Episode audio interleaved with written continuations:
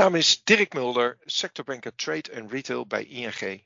In deze podcast bel ik met ondernemers om te praten over hun bedrijf, ontwikkelingen in de sector en de uitdagingen die zij ervaren. Doel van deze podcast is om andere ondernemers te inspireren. Vandaag ga ik in gesprek met Bas Koppelmans van Tuincentrum Koppelmans. Tuincentrum Koppelmans in Valkenswaard is een gezellig en actueel tuincentrum in Noord-Brabant. In het assortiment vind je producten zoals tuingereedschap en meubilair, accessoires voor huis en tuin, tuin- en kamerplanten, snijbloemen en alles voor een vijver. Maar waar we voornamelijk over gaan praten is de verduurzaming van het huidige tuincentrum.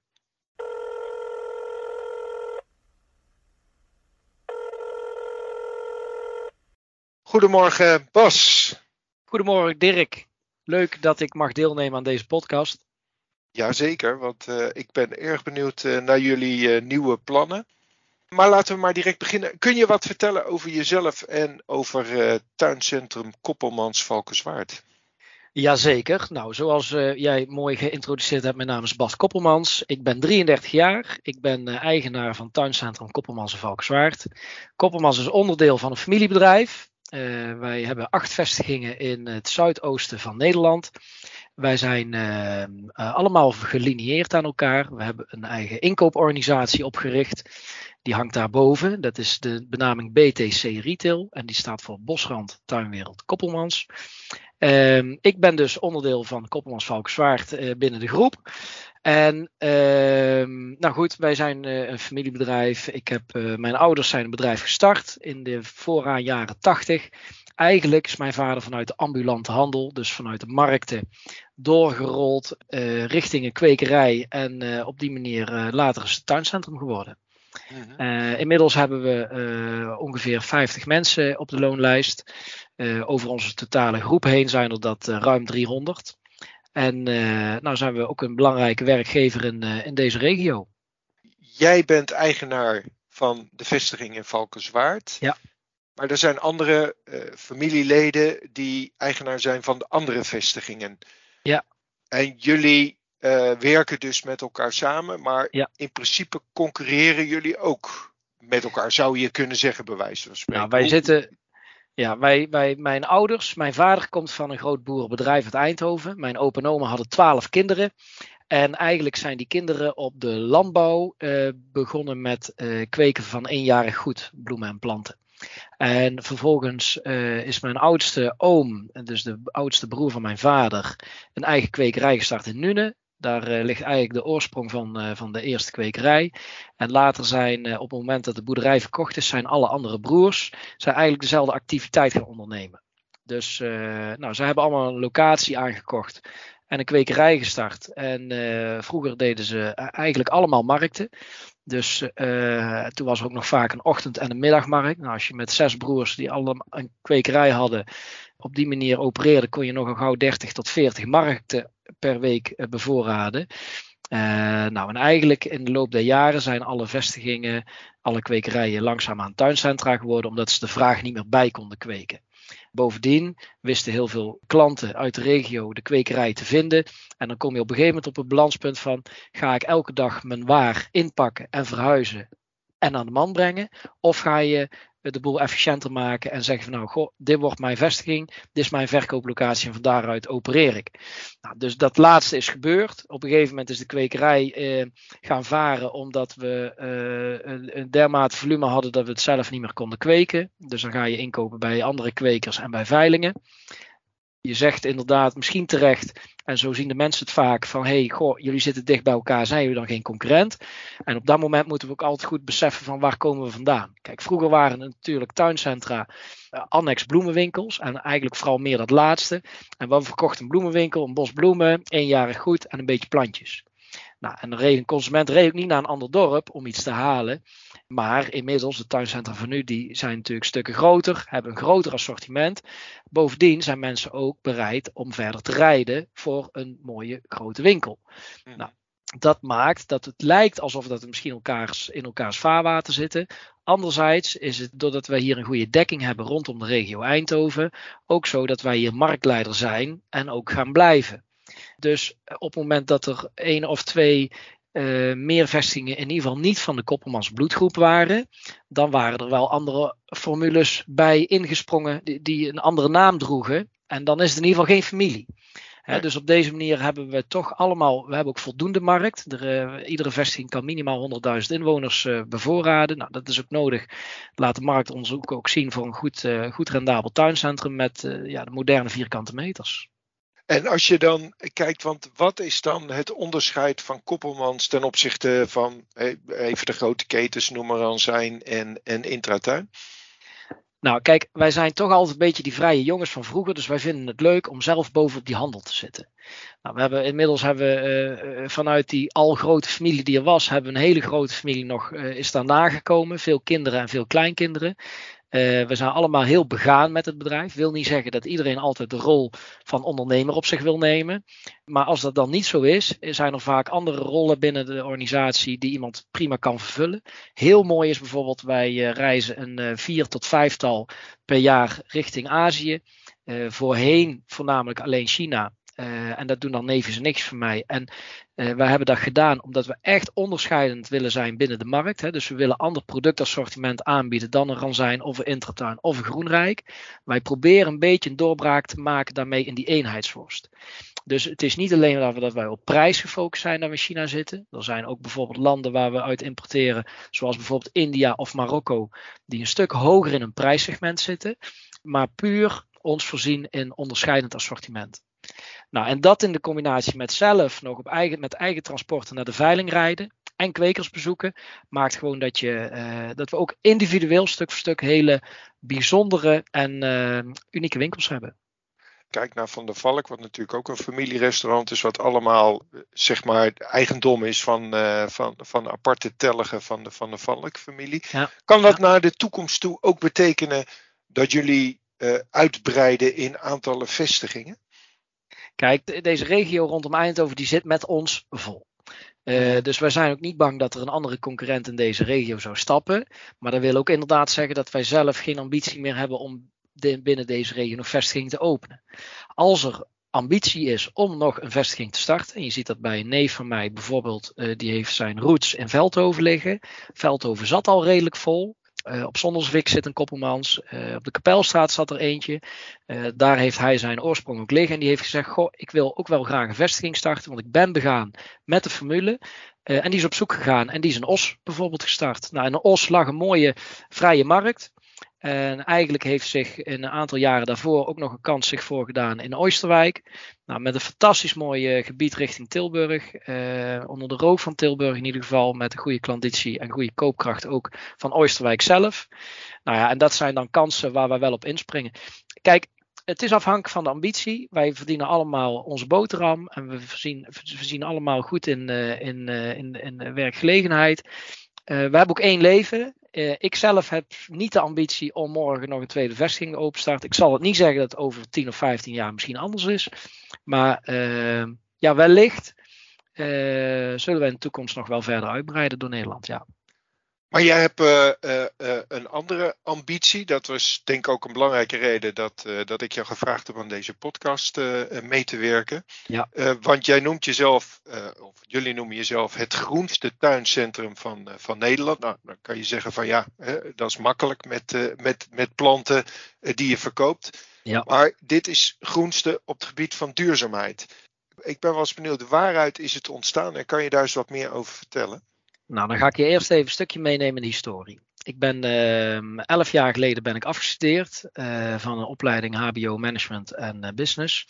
En dat was voor mij de basis om ook het retaillandschap eigenlijk te bestuderen. En toen zeiden we, hey, winkels zoals die van ons, die hebben toekomst, maar dan moeten we wel kunnen vergroten. Hè? Er zijn in Nederland nou eenmaal te veel retailmeters, die zullen afnemen. Dus de consument die gaat winkelen, die is nog wel bereid om naar een winkel te gaan.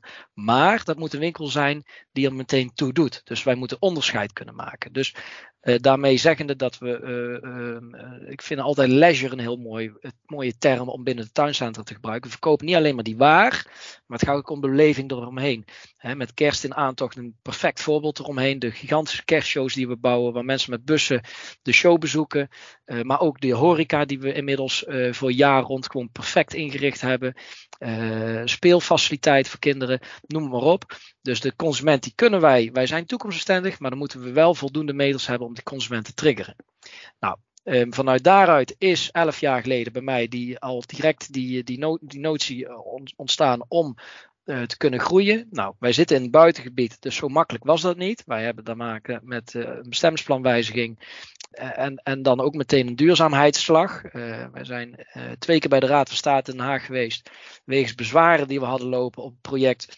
en dat gaat over stikstofuitstoot. Ehm, nu natuurlijk een heel actueel thema, maar voor mij was dat eigenlijk vier, vijf jaar geleden al aan de hand. Uh, en wat wil dat uh, zeggen? We hebben in Nederland natuurlijk een hele hoop Natura 2000 gebieden. En die zijn gevoelig voor de neerslag van stikstof. We willen daar bepaalde, en die, recht, die, die plicht heeft Nederland ook om, uh, om, om die gebieden in stand te houden met flora fauna tot de waarde die het nu ook is. En stikstof verstoort die, die verstandhouding. Nou, gasuitstoot is daar een factor van. Dus wil ik mijn tuincentrum vergroten, moest ik een alternatief verzinnen om geen gasuitstoot meer te hebben. Dus stikstofreductie. Anders was ik in strijd met de regelgeving. Nou, die bezwaarmakers hadden daar natuurlijk ook gelijk in. 10, 11 jaar geleden toen we met project starten, was het natuurlijk een hele uitdaging. Hadden we ook nog niet gedacht dat we voor deze uitdaging kwamen staan, overigens. Uh, maar een jaar of 5, 6 geleden was het al wel heel moeilijk.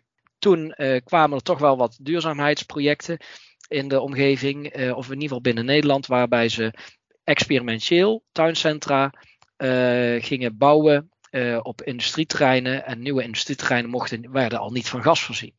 Maar dan kom je bij een hele grote uitdaging terecht. En dat is namelijk dat een tuincentrum relatief slecht geïsoleerd is. Mm bij uh, kantoorpanden kun je zeggen van nou, ik heb een hoge isolatiewaarde, dus ik ga uh, met een warmtepomp werken, ik ga, of ik ga de aarde in uh, eh, WKO-installatie. En daarmee ga ik in de zomer koelen en in de winter verwarmen. Nou, bij ons is dat geen optie, want wij zouden alleen maar warmte uit die bodem trekken zonder dat we koelte kunnen terugstoppen, omdat we het pand slecht kunnen isoleren. Nou, dus dan komen we met warmtepompen, hè, dus lucht-waterpompen, waterwarmtepompen in uh, aanraking. Maar die jongens die vreten energie. En uh, op dat moment moet je natuurlijk eh, creatief gaan zijn van hoe ga je die energie opwekken. Of hoe ga je die in ieder geval in huis halen. Nou, en dat is dus door middel van opwekking. En uh, tuincentra tegenwoordig, in ieder geval de moderne tuincentra, worden niet meer van glas voorzien. de sandwichpanelen die verzorgen voor het donkere gedeelte binnen tuincentra. En die leg je boven je sfeerafdelingen, boven je tuinmiddelafdeling, boven je dierafdeling. Dus op die manier ga je toch beter isoleren dan dat je voorheen deed. En creëer je ook dakvlak om zonnepanelen te kunnen leggen. Even, even Bas, die sandwichpanelen, want je, je, noemt het nu. Wat, wat bedoel je daarmee, die sandwichpanelen? Dat zijn gewoon geïsoleerde panelen van een, uh, een, een 8 of 11 centimeter dikte. Uh, met staal uh, aan de boven- en onderzijde met pur ertussen. Mm. een goede geïsoleerde waarde. Nou, en die, die kunnen veel draagkracht verdragen.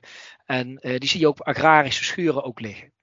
En kijk, het overige deel van een tuincentrum, zoals ik zei, is geen glas meer, maar is allemaal polycarbonaat. Polycarbonaat is hetzelfde materiaal wat we op serres hebben liggen. Yeah. Kun je in verschillende lichtdoorlatendheid nemen. Nou, boven de tuinplanten doen we natuurlijk een gigantisch goede lichtdoorlatendheid. Dat de planten goed afharden, dat is heel belangrijk. Anders zou je een te groot verschil tussen de natuur en, en in een kas creëren. En daarmee ga je eigenlijk later weer consumenten teleurstellen in de kwaliteit, want dan valt handel uiteen, zoals we dat dan noemen. Uh, maar in ieder geval terug naar die, naar die energievraag. Op deze manier is dat goed te doen. Uh, we zijn overigens wel het eerste tuincentrum in Nederland waar die transitie maakt van bestaand tuincentrum van gasaansluiting naar volledig duurzaam. Uh, dus uh, ja, er kijken er een hele hoop mee. En zeker in deze tijden dat de energieprijzen natuurlijk hoog zijn. Hoe dat dit project voltooid gaat worden. En ik ben ervan overtuigd dat er na ons heel veel tuincentra gaan volgen. Maar daar geef je natuurlijk iets aan. Hè? Je had natuurlijk aan de ene kant zeg je van ja, die nieuwe tuincentra die gebouwd worden, die hè, worden vaak wel gebouwd volgens de nieuwste duurzaamheidseisen. Maar een bestaande tuincentrum ombouwen tot een nieuw duurzaam tuincentrum, daar zijn jullie de eerste in. Dan loop je dus wel tegen een aantal dingen aan. Kun je, je daar loopt, iets. Ja, ja, je loopt tegen gigantisch veel problemen aan. En uh, uh, je hebt natuurlijk je bestaande netwerk ingericht uh, voor, op, de, op de ketelinstallatie. Nou, en op een gegeven moment moet je los van het gas. Dus je moet uh, gaan, gaan omturnen. Uh, bovendien is er een stukje haalbaarheidsonderzoek echt nodig. Kan ik echt adviseren om te bekijken van hey, is, het no is, het, is het mogelijk? Uh, is, je, is je netbeheerder, in ons geval is het Enexus, zijn die capabel om die energie te leveren? ga je terugleveren? Kun je terugleveren? Dat zijn eerste voorwaarden die, die van toepassing zijn. Als die niet kunnen, dan ben je ook nog niet aan de beurt, want dan gaat het nog niet lukken. Um, Um, dan is het, uh, nou goed, de, die afspraken zijn bij ons gemaakt. We hebben, we hebben die ruimte op het net. Hebben we ook, uh, dat moet je zwart op wit eisen, want dat is gewoon, uh, dan vragen ze ook een aanbetaling vanaf dat moment. En dat is terecht, want van dat moment moet je losgaan. Um, ja, en je complete uh, installatie moet uh, op de schop. Dus het neemt een behoorlijke extra investering met zich mee.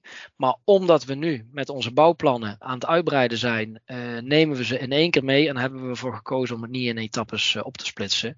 En nou goed, de Raad van State in Den Haag heeft ons ook die voorwaarden opgelegd. Anders zijn we in strijd met de regelgeving. Ja, dan kan je in strijd met de regelgeving. Zou dat zelfs betekenen dat mocht het straks niet kloppen, en ik weet niet of dan mensen komen die komen controleren dat je het weer moet afbreken, of wat? wat uh... Nou, uh, het in gebruikname van het pand in hoedanigheid is, uh, is, is verboden op het moment dat er gasverbruik is om een pand te verwarmen. Hè, mhm. dus, maar daarom hebben we ook al goed naar die bedrijven gekeken die nieuw gebouwd hebben. op de industrielocaties die geen gasloopinstallatie hadden. Uh, of meer hebben. Uh, ja, die zijn op andere wijze geïsoleerd. Die hebben bijvoorbeeld al op de fundering hebben die isolatie. Die hebben allemaal andere uh, elementen als we dat wij in ons huidige pand hebben, wat van 2003 hè, al in 2003 gebouwd is. Dus dat neemt, dat neemt ja, andere eisen met zich mee. En we hebben daar een hele goede begeleider bij die ons door dat project heeft geholpen. Uh, en daar is uh, ja, haalbaarheidsonderzoek voor gedaan. En er zijn, uh, er zijn zeker aanpassingen nodig, vloerisolaties nodig, ehm, een nieuwe ehm, funderingisolatie tegen kouoptrekking van, van, van kou uit de bodem, noem maar op. Ja. Hoe, hoe gaan jullie dat dan straks doen? Is, is het, kan je vanuit bestaande pand, kan je dan die verbouwing doen? Of moet je echt gewoon een bepaalde periode dicht pand weg en nee. uh, een nieuw nee. pand opbouwen. Ja, Nee, dat is het mooie. We blijven open. Dus uh, we zullen misschien in februari net even één week dicht moeten. Dan proberen we natuurlijk te plannen dat rond de carnavalsvakantie valt. Om, om, maar dat is dan ook niks meer om de winkelrouting te veranderen. Dus het huidige pand kan volledig open blijven. Uh, het nieuwe gedeelte wordt er als een U eigenlijk omheen gebouwd. Aan alle kanten wordt gewerkt behalve aan de voorzijde. Op dit moment zijn we al bezig met de grondwerkzaamheden. Over twee weken wordt fundering gebouwd. Maar dan gaan we in etappes gaan we, uh, vanuit die buitenkant naar binnen toe werken. En uh, ja, eigenlijk uh, alle isolaties en alle, alle, alle elementen aanbrengen die nodig zijn om, uh, om die vergroeningsslag te maken. Ehm, er is op veel meer fronten bij nagedacht dan alleen maar bijvoorbeeld op, op verwarming. Maar ook als we het over duurzaamheid hebben, hebben we het natuurlijk over bouwmaterialen. Ook de bank in relatie tot de groenfinanciering hebben zij ook daar hun eisen natuurlijk bij. je moet met je isolatiewaardes natuurlijk gunstig blijven. Uh, en die moet je ook waarmaken. Maar anderzijds moet je ook zorgen dat je bijvoorbeeld FSC hout gebruikt. wat helemaal traceerbaar is door de gehele keten heen.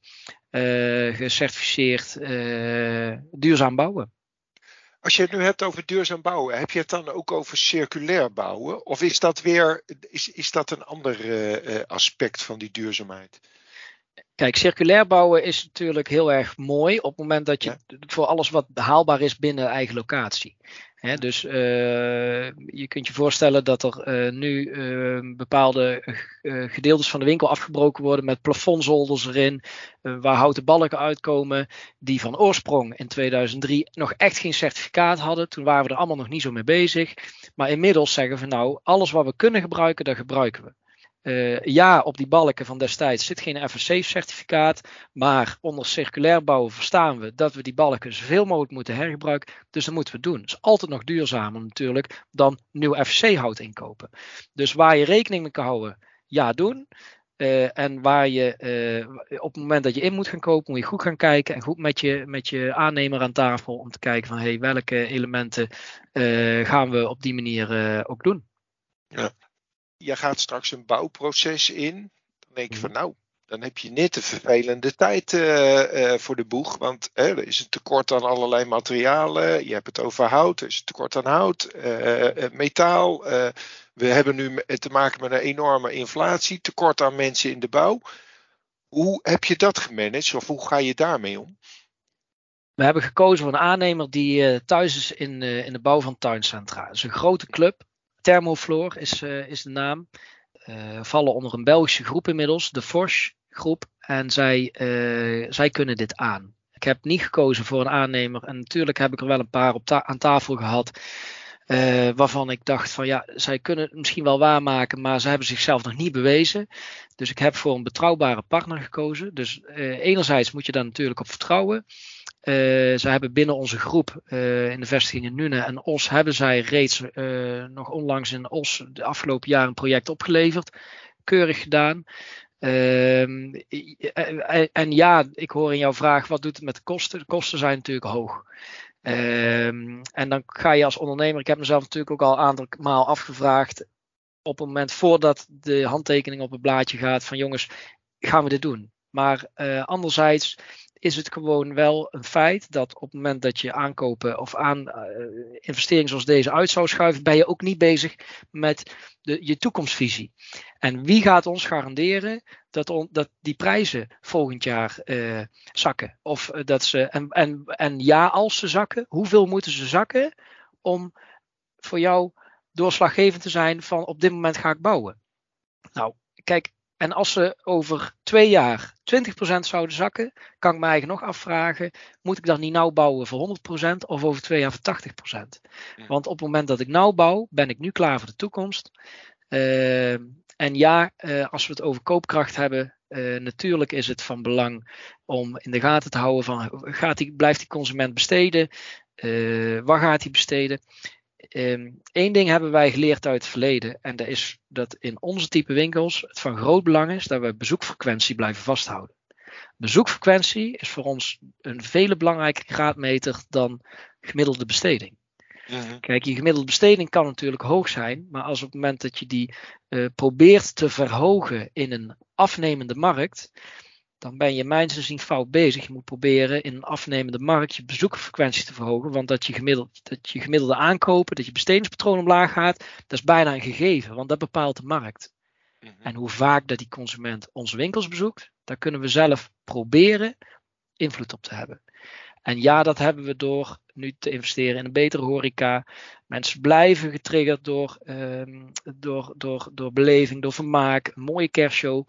Uh, dierbenodigdheden is iets wat we nu nog niet binnen ons assortiment Valkenswaard hebben. Andere vestigingen van ons zijn ons daarin voorgegaan. In het verleden was het zo dat ons bestemmingsplan daar ons ook in blokkeerde. Dus dat is iets wat daar nu wel in opgenomen is.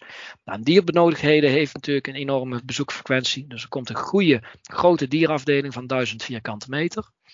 Uh, een goede horeca met uh, minimaal ja, rond de 300 zitplaatsen. Ja, en op die manier ga je toch eigenlijk ja, daar heel actief mee aan de slag. Dat begrijp ik. Hè. Je hebt het over uh, stijging van de kosten. Je hebt straks natuurlijk toch een, uh, uh, een duur pand staan. Ben je niet bang dat je dan ook de prijzen moet verhogen? Wij zien op dit moment dat wij nog niet veel prijzen hebben hoeven te verhogen. En natuurlijk is het wel zo dat transportkosten zijn duurder geworden vanuit Azië, in ieder geval vanuit Oosten. Oosten ehm, van, uit het oosten van de wereld. En, ehm, maar uh, wat in de winter gaat gebeuren, kan ik niet helemaal voorzien. Dus de kwekersprijzen zullen omhoog gaan, dus ook wij zullen onze prijzen moeten verhogen. Als de koopkracht bij ons afneemt, en wij zouden net zoveel kosten blijven maken, dan resulteert dat natuurlijk ook in een prijsverhoging. Echter, uh, denk ik dat wij heel goed kunnen uh, schakelen in voorraadwaardes van hey jongens, als we uh, in wat mindere tijd komen te zitten, zorg dat de voorraadwaardes niet oplopen, dat we meer just-in-time gaan werken, dat we niet in, in februari onze magazijnen al volzetten met een, een, bepaalde tuinstoel met containers achter elkaar, dat we zeggen oké jongens, even pas op plaats, in fases werken en ook met onze personeelskosten kunnen wij heel goed sturen door op en af te schalen. We hebben ongeveer van ons team hebben we de helft van onze medewerkers zijn FTE-uren. dus van, de, van de 45, 50 mensen hebben we 20, 25 FTE, FTE'ers. En met, onze, met, die, met die loonlasten kunnen schakelen is heel erg belangrijk binnen onze formule.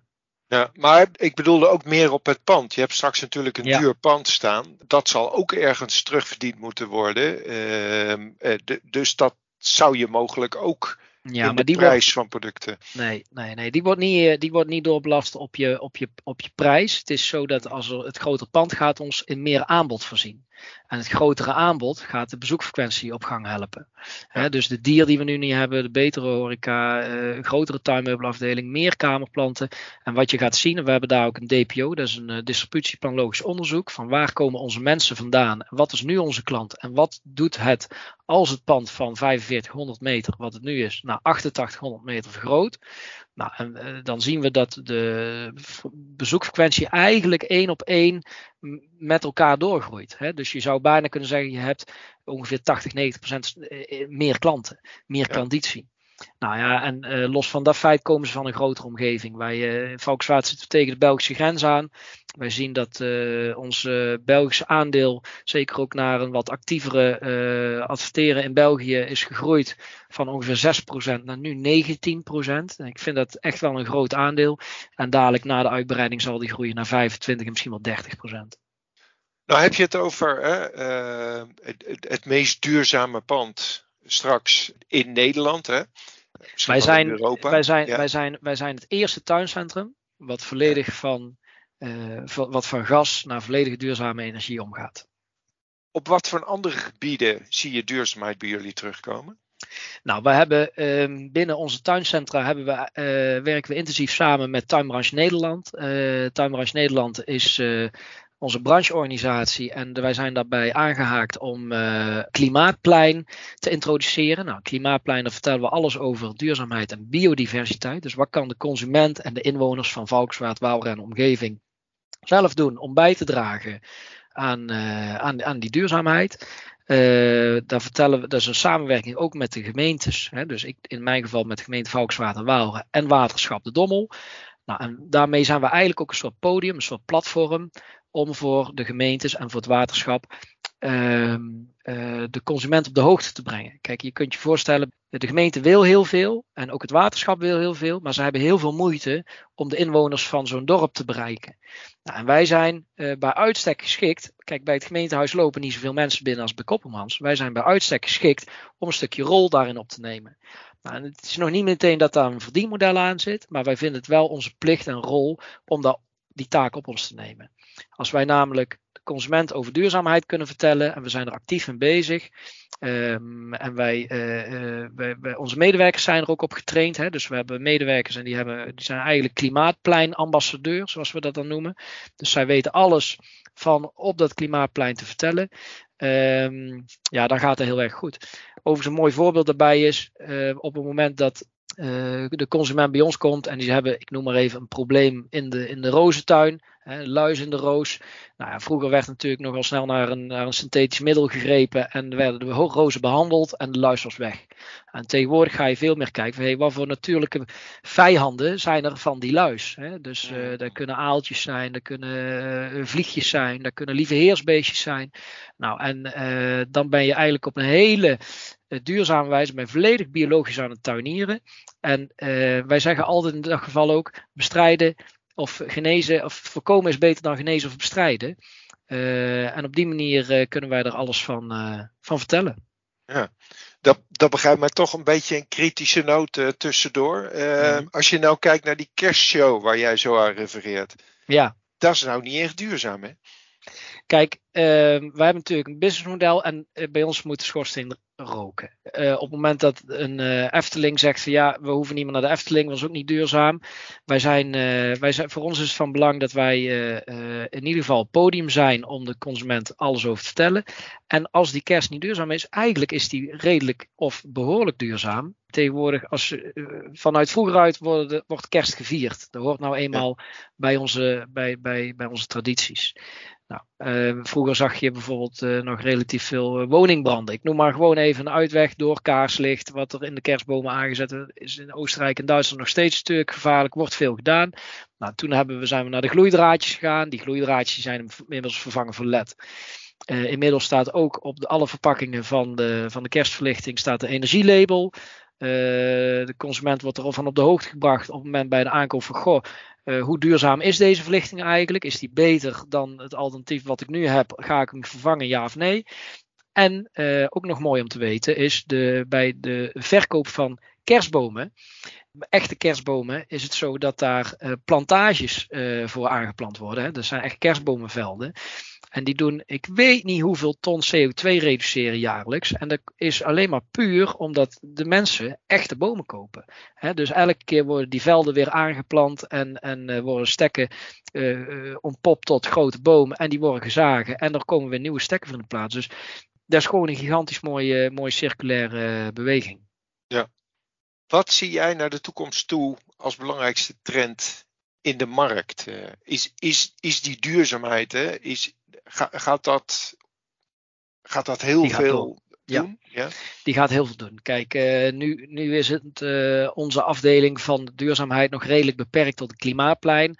Wat je dadelijk gaat zien, is dat uh, alles rondom die afdeling te maken heeft met duurzaamheid. En uh, wij proberen daar ook naar leveranciers en merken op te sturen. Uh, niet alleen maar van leuk zo'n certificaat op zo'n op zo'n uh, op zo'n product, hè, van ik ben duurzaam. Ehm, die certificaten die maken ons eigenlijk, die, interesseren ons niet zoveel. Wat wij veel belangrijker vinden is dadelijk gewoon een afdeling creëren waarin mensen terecht kunnen. En binnen die afdeling is alles goed overwogen. Hè? Dus daar vind je potgrond die niet uit veen is opge opgestoken, maar die potgrond die komt van een lokale koeienboer uit Sterksel, die we overigens ook hebben, die voor ons van zijn koemest uh, die gaat in een droogtrommel. Daar maakt hij een, een, een grond van. Solide ecotop heet het. Nou, en die brengt hij naar ons. Nou ja, kortere transportbeweging kun je niet hebben van de koe. Van eigenlijk wat voorheen een probleem is, uh, stikstof en ammoniak van die koe, meteen mest maken en in een lokaal tuincentrum verkopen. Daar is waar consumenten toch wel heel erg gevoelig voor zijn. En natuurlijk, niet iedere portemonnee is, uh, uh, is geschikt om, uh, om dergelijke aankopen te doen. Maar wij zijn wel als marktleider aan de beurt om het alternatief te bieden. Ja, duidelijk. Tot slot van dit gesprek, Bas. Ik sluit altijd af met de vraag: heb jij nog een tip voor andere ondernemers? Nou, ehm, kijk, leuk dat je vraagt, Dirk. Weet je, ik vind, ehm, ik vind het altijd lastig. Binnen mijn onderneming kan ik zeggen: ik, ehm, ik durf, durf door te pakken, durf een beetje te dromen voor mij was het vroeger al een jongensdroom. Ik heb gezegd, ik wil heel graag het tuincentrum overnemen. Al vanaf dat moment kon lopen en praten. Inmiddels ben ik er nog net zo begaan mee. En uh, denk ik nog wel eens ooit terug. Ja. ja, dankjewel. En, en denk ik nog wel eens ooit terug aan die tijd van toen. En dan denk ik, natuurlijk gaat het niet elke dag over roze geur en maanschijn. Maar we zijn er wel ergens voor begonnen. En uh, ook uh, projecten zoals deze uh, we kunnen natuurlijk beren op de weg zien, koopkracht, uh, dure energienota's, noem maar op. Uh, maar er komen ook weer andere tijden aan. En als je maar zorgt dat je aan die knoppen kunt blijven draaien, maar ga niet aan die, aan die, aan die, aan die treurige kant zitten, want daar hebben we allemaal niks aan. Ja, duidelijk. Ik denk ja. een mooie afsluiting. Ik had toch nog, ik zit nu te bedenken, nog één ja. vraag. Ja. Wanneer is het pand klaar? Wanneer kunnen oh. we komen kijken? Nou, uh, wij zijn in. Uh, we doen het eigenlijk in, in twee etappes. Het eerste, uh, de eerste etappe van de buitenkas en de buitenafdeling, die is klaar in februari. Zodat wij die op dat moment kunnen inrichten. En dan zijn we voor zeg maar 1 maart echt klaar om daar te gaan knallen. En de tweede etappe, dat is het warme gedeelte en het gedeelte van het magazijn. Daar zie je als consument niet zoveel van. Uh, overigens wel het warme gedeelte, maar die zal in de maand daarop volgen. Dus die is uh, rond april is die klaar. In mei is het volledig nieuwe bedrijf uh, te bewonderen. Kom ik graag een keer kijken. Hartstikke Bas, goed. Hartstikke bedankt voor dit leuke gesprek, duurzame gesprek. Ik wens je heel veel succes in het, in het komende proces. Dankjewel Dirk en ik vond het hartstikke leuk om mee te werken en ik zie je graag. Deze podcast maakt onderdeel uit van een serie gesprekken met ondernemers uit de sector trade en retail. Meer podcasts en informatie over de sector vind je op ing.nl. Wil je nou zelf een keer meedoen aan een podcast? Mail me dan op dirk.mulder.ing.com.